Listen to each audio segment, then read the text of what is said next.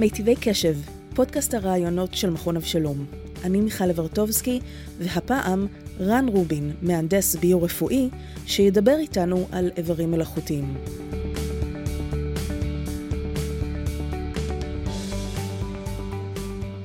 יכול להיות שנולדנו ללא איבר כלשהו, יכול להיות שבמשך החיים איבר מסוים איבד מתפקודו. יכול להיות שכתוצאה מתאונה איבדנו איבר מסוים. בכל המקרים האלה, תמיד הדרישה היא יותר גדולה מההיצע. אם אתה מחפש תורם, אז תמיד יימצאו פחות תורמים. ולכן יש drive מאוד גדול, מוטיבציה לייצר איברים מלאכותיים שימלאו אחר החוסר הזה באיברים מתורם. תוכל להסביר לי איך אה, מייצרים איבר מלאכותי? בוא, בוא נגיד יד. נניח, נניח שהיד נקטעה באזור הכתף. אז uh, המוח עדיין פעיל חשמלית, הוא מייצר פקודות חשמליות שהולכות לכיוון היד, לכיוון שרירי היד, אבל זה נקטע באזור הכתף. אז החוטים, העצבים, עדיין קיימים באזור הכתף. כנ"ל ישנם מערכת של עצבים נפרדת, מקבילה, שמובילה אותות מן היד שנקטעה, שמובילה למשל אותות של לחץ, של טמפרטורה, של חום, של מגע. גם אלה עדיין קיימים באזור היד. אז אם אתה עכשיו לוקח יד מלאכותית שמורכבת ממנועים שמחליפים את השרירים, ומערכת של חוטי חשמל שמחליפה את מערכת העצבים, כל מה שעליך לעשות זה לחבר את החוטים האלה למערכת העצבים הקיימת, מערכת החוטים שעדיין נמצאת באזור הכתף ועדיין מקבלת את הפקודות מהמוח. ברגע שהתחברת לאותות האלה, קלטת אותם, באמצעות מחשב אתה יכול לתרגם אותם לאותות שמפעילים את המנועים האלה, אתה יכול לקבל יד מלאכותית אה, שמתפקדת כמעט כמו יד נורמלית, וזה כולל גם את התחושות שהמוח יקבל פידבק על, לדוגמה, אם מישהו מפעיל, אה, לוחץ יד של מישהו אחר ויש לו יד מלאכותית, שהוא לא ישבור לאדם שהוא לוחץ לו את היד, שלא ישבור לו את האצבעות, כי יש לו פידבק אל, אל המוח שלו כמה לחץ הוא מפעיל. יש גם איברים חיצוניים שמתחברים ישירות למוח. אני ראיתי יש, מחקרים על זה בארצות הברית וראיתי יש, ניסיונות כאלה. יש, יש איברים, למשל, עין מלאכותית, אם משהו קרה בעין או בחלק האחורי של העין, שזה הרשתית, או משהו קרה לחלק הקדמי של העין, ואנחנו רוצים לעקוף את כל המערכת, כולל הצו הראייה, אנחנו יכולים להתחבר, להתחבר ישירות אל המוח, אל אותו אזור במוח שעסוק, שמאוד פעיל בפענוח של האותות החשמליים המגיעים אל המוח, ואז ישנו חיבור ישירות אל המוח עם שבב מלאכותי. האם איבר חיצוני מלאכותי הוא גם איבר משודרג? האם אנחנו הופכים ליותר עמידים, יותר ביונים? כן, זאת שאלה של, אה, שאפילו יש לה שם טרנס-יומן. אה, אם לדוגמה אדם איבד את מאור עיניו, ואנחנו רוצים לתת לו פתרון טכנולוגי, אז הטכנולוגיה קיימת, אנחנו יכולים לדוגמה לתת לו את היכולת לראות באינפרה אדום. אנחנו יכולים לתת לו את היכולת לראות בחושך. אנחנו יכולים לתת לו את היכולת לראות אקס-ריי, זאת אומרת, הוא יכול לראות דרך קירות. אה, זו, זו כבר שאלה פילוסופית, אתית, האם זה בכלל רצוי? חלק מהאנשים יגידו, אם כבר, למה לא?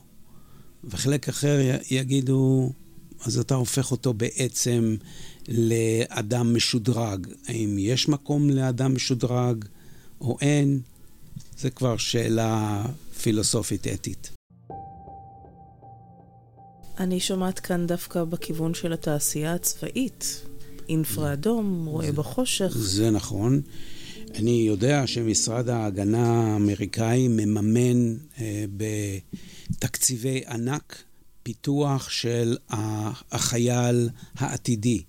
והחייל העתידי הוא למעשה כולל מעין רובוט שיוכל להתנייד עצמאית, תוכל לתת לו נקודת ציון, והוא יוכל לשאת על גבו משקל של 250-300 קילוגרם, להגיע לנקודת הציון הזאת הרבה יותר מהר, ולא משנה מהם פני השטח, או שייכנס לתוך המעטפת הזאת אדם רגיל, שגם יהיה חסין, חסין לנשק, חסין לכדורים, ויוכל לצאת בנקודת הציון ולהמשיך משם אה, לבצע את משימתו. אז החייל העתידי יכול להיות שילוב בין רובוט ובין אנוש. אנחנו עדיין לא יודעים, אני חושב שחלק מהתוכניות הן סודיות ואינן מפורסמות, אבל כפי שאני רואה מה פיתחו עד היום, אז ניתן רק לשער מה מתנהל מאחורי דלתות סגורות. יש ועדות אתיות שמפקחות על כל התעשייה יש, הזאת? כי יש, זה בסופו של דבר תעשייה. יש ועדות אתיות, גם בארץ, גם בחו"ל, אבל הוועדות האתיות האלה, אני לא יודע עד כמה ניתן להם מקום במסגרת פיתוחים צבאיים. בוא קודם נדבר על איך בכלל מייצרים איברים מלאכותיים. בוא ניקח, בוא ניקח לדוגמה איבר מציל חיים שכבר נמצא איתנו כ-70 שנה, וזה קוצב הלב המלאכותי. כאשר ישנה בעיית אי סתירות קצב בלב, זו בעיה חשמלית, שהשעון החשמלי של הלב שלנו השתבש. משהו, או בקצב שלו, או במסלול ההולכה שלו, משהו השתבש. ועל מנת לשמור על המשאבה שלנו, המשאבה שמספקת לנו חמצן ודם ואפשרות של חיים, מחליפים את השעון החשמלי הזה בקוצב לב מלאכותי. אז יש פה התמודדות עם הרבה בעיות טכנולוגיות. איך מחדירים לתוך הגוף גוף זר, גוף מלאכותי, מעשה ידי אדם, שלא יתקוף את הגוף ולא ייתקף על ידי מערכת החיסון, שישמר את פעילות הלב ויאפשר לו להתכווץ ולהתרחב מאה אלף פעמים ביממה, למשך בין חמש לעשר שנים, ללא אפשרות להגיע למוסך. ויש שם מערכת של חוטים שעומדים במאמסים מכניים. וצריך uh, להתקשר עם האיבר המושתל הזה מבחוץ ולבדוק מה מצבו, מה מצב הבטריה שלו. האם התוכנית שקבענו לפני 20 שנה היא עדיין ישימה, כי האדם הזה חי עוד 20 שנה. ויש לנו מיליוני בני אדם שנהנים מהטכנולוגיה הזאת, שהלכה והתפתחה משנות ה-50 של המאה הקודמת עד ימינו אלה. אלה.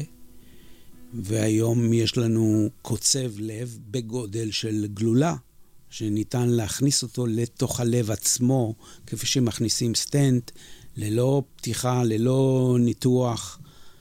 ו... והגלולה הקטנה הזאת תשמש מעין קוצב לב למשך עשר שנים. ומה עם איברים פנימיים? נניח כליה. כליה. נניח כליה.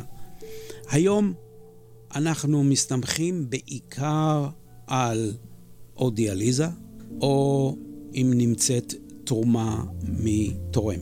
אבל ישנם כבר ניסיונות די מתקדמים בארצות הברית, שילוב של כוחות של כמה אוניברסיטאות, שהרעיון שם הוא שימוש בממברנות שיוצרו כמו בתעשיית המוליכים למחצה, תעשיית האלקטרוניקה, שהן תעשה את הסינון של הדם מהחומרים הרעילים, אותם אנחנו רוצים לסנן ולהוציא מחוץ לגוף באמצעות השתן, בשילוב עם תאי כליה שיוצרו מתאים מאותו אדם עצמו.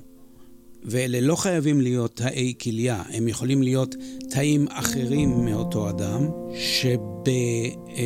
שבצלוחית, מחוץ לגוף, במעבדה, אנחנו יכולים לשכנע את התאים האלה באמצעות חומרים כימיים לחזור אחורה בזמן, so called, לחזור אחורה בזמן ולהפוך לתאים פרימיטיביים, תאי גזע בלתי ממוינים, למיין אותם באופן חיצוני, מוכתב, להפוך להיות תאי כליה, ואלה ישבו בתוך מאגר קטן, וכל האיבר המשולב הזה יעבוד ללא סוללה, אלא על כוח הלב שדוחף את הדם קדימה. זאת אומרת, האיבר המשולב הזה, הוא יכול להיות מושתל, לבצע את כל התפקידים של הכליה, ללא צורך במקור כוח פנימי או חיצוני.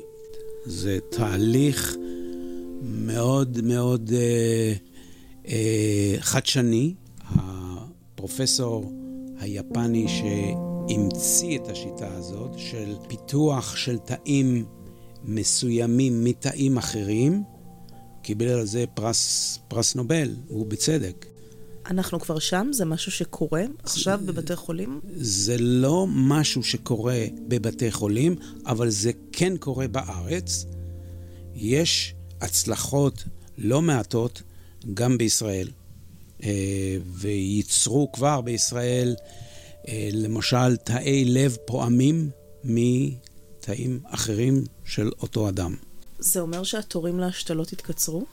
בתוך 10-15 שנה, אני בהחלט צופה שזה יקצר תורים לאיברים אה, מתורמים. וכרגע מהו האיבר ה... היותר קל לייצור? אפרכסת של אוזן ושלפוחית שתן מתפקדים, אני מדבר כמובן על איברים מתפקדים. ולאחרונה ראינו שבאוניברסיטת תל אביב הצליחו להדפיס במדפסת תלת מימד לב, אמנם קטן, אבל לב פועם, מתפקד, כולל מערכת של כלי דם שתספק לו גלוקוז וחמצן, ו... אבל מתי נוכל להיפטר מהלבבות המלאכותיים ולהשתיל לכל אדם שזקוק, לכל אדם שיש לו אי ספיקת לב חמורה, להחליף לו את הלב שלו בלב מלאכותי שהודפס במדפסת תלת מימד, אני צופה שזה יהיה לפחות עשר שנים. זה תהליך שאנחנו צריכים לעבור מחיות קטנות לחיות גדולות, למספר אנשים מצומצם, עד שהטכנולוגיה הזאת תקבל את אישור ה-FDA האמריקאי, ומה שנקרא רשויות הרגולציה, זה תהליך ארוך. זה אומר שאני אוכל להיכנס לאינטרנט ולבחור אה, לקנות איבר מאמזון וממתחריו? זה יכול להגיע יום אחד. למכירת איברים אה, להשתלה מחברות פרטיות? יהיה השוואת מחירים? יהיה מבצע? אני לא צופה, לפחות לא בעתיד הקרוב. אני, אני אתן לך דוגמה. נניח שאדם איבד את אפרכסת אוזן שמאל, והוא רוצה שייצרו לו אפרכסת אוזן שמאל דומה בדיוק לאוזן הימנית שלו. הוא צריך לעבור אה, הדמיה באמצעות אה, אולטרסאונד, CT, MRI, על ידי אנשים שמומחים לכך, אנשים שיבנו את המודל התלת-ממדי של אפרכסת אותה רוצים לייצר במחשב, ואחר כך שהמחשב ייתן את הפקודות האלה למדפסת תלת-ממד, איך לעשות את זה מה... אה, זה רחוק מאמזון וה... ו... וכולי. אנחנו באיזשהו שלב גם נוכל להשתיל מוח? או. בקשר למוח, לפי מה שידוע לי, אה, אחת מהבעיות היא אה, חוסר יכולת לייצר זיכרונות חדשים.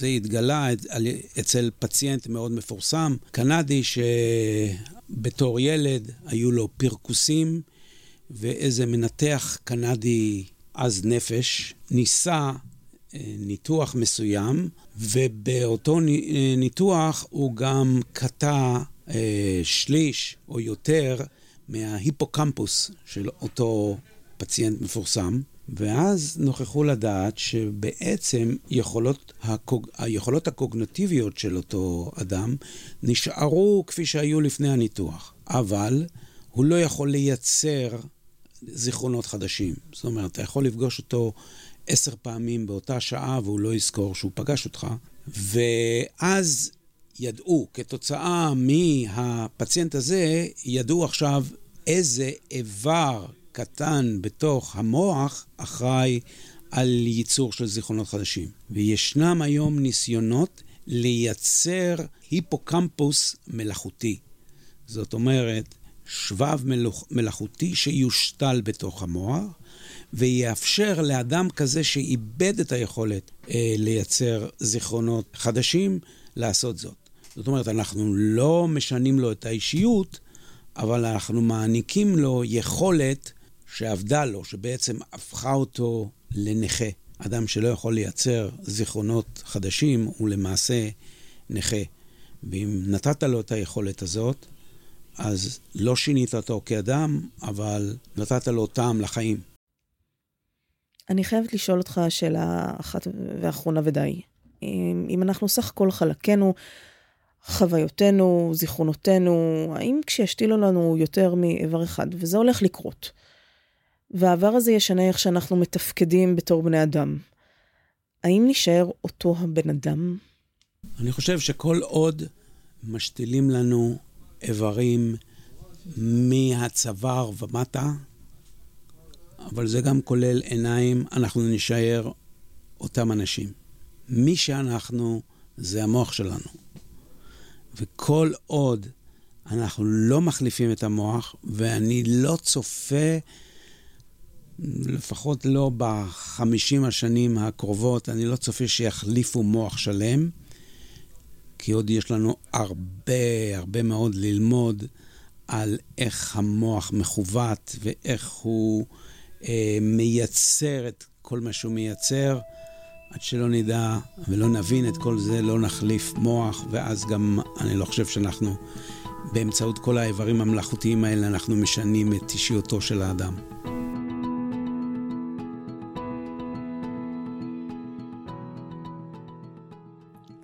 זה היה רן רובין שדיבר איתנו על איברים מלאכותיים. אם אהבתם את רן, תוכלו לשמוע אותו מרצה באחד מהקורסים של מכון אבשלום. לעוד ראיונות מרתקים עם מרצה המכון, תוכלו לפנות ישירות לאתר שלנו. פשוט תקלידו מכון אבשלום בגוגל ואנחנו התוצאה הראשונה שתתקבל. תודה לרן, לצוות המכון ולמכללת BPM. אני מיכל אברטובסקי, ניפגש במכון.